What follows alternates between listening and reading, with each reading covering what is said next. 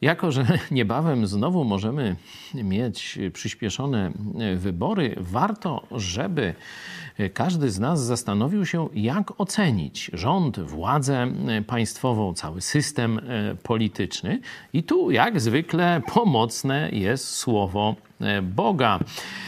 Pierwszym kryterium E, które, które powinniśmy zastosować w ocenie jakości władzy państwowej w naszym narodzie, e, jest kryterium podane przez apostoła Pawła w 17 rozdziale e, dziejów apostolskich mówi o Bogu, że Bóg z jednego pnia wywiódł też wszystkie narody ludzkie, to jest werset 26, aby mieszkały na całym obszarze ziemi, ustanowiwszy dla nich wyznaczone okresy czasu i granice ich zamieszkania. Czyli mamy e, już państwo, granice zamieszkania danego narodu, państwo widać, że Bóg zamierzył no, jako podstawę państwa narodowe.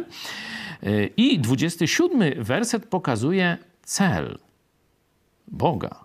Żeby szukały Boga, czy go może nie wyczują i nie znajdą, bo przecież nie jest on daleko od każdego z nas. Nie?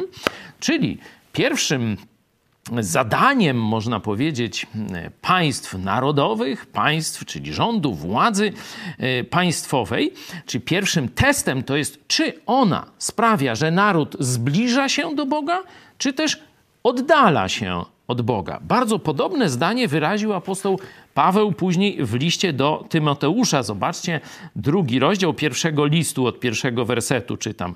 Przede wszystkim więc napominam, aby zanosić błagania, modlitwy, prośby, dziękczynienia za wszystkich ludzi, za królów i za wszystkich przełożonych, abyśmy ciche i spokojne życie wiedli we wszelkiej pobożności i uczciwości. Jest to rzecz dobra i miła przed Bogiem, Zbawicielem naszym, który chce, aby wszyscy ludzie byli zbawieni i doszli do poznania prawdy. Uczciwość zostawimy sobie na następny e, czas, a tu chcę pokazać ten aspekt zbliżania się do prawdy.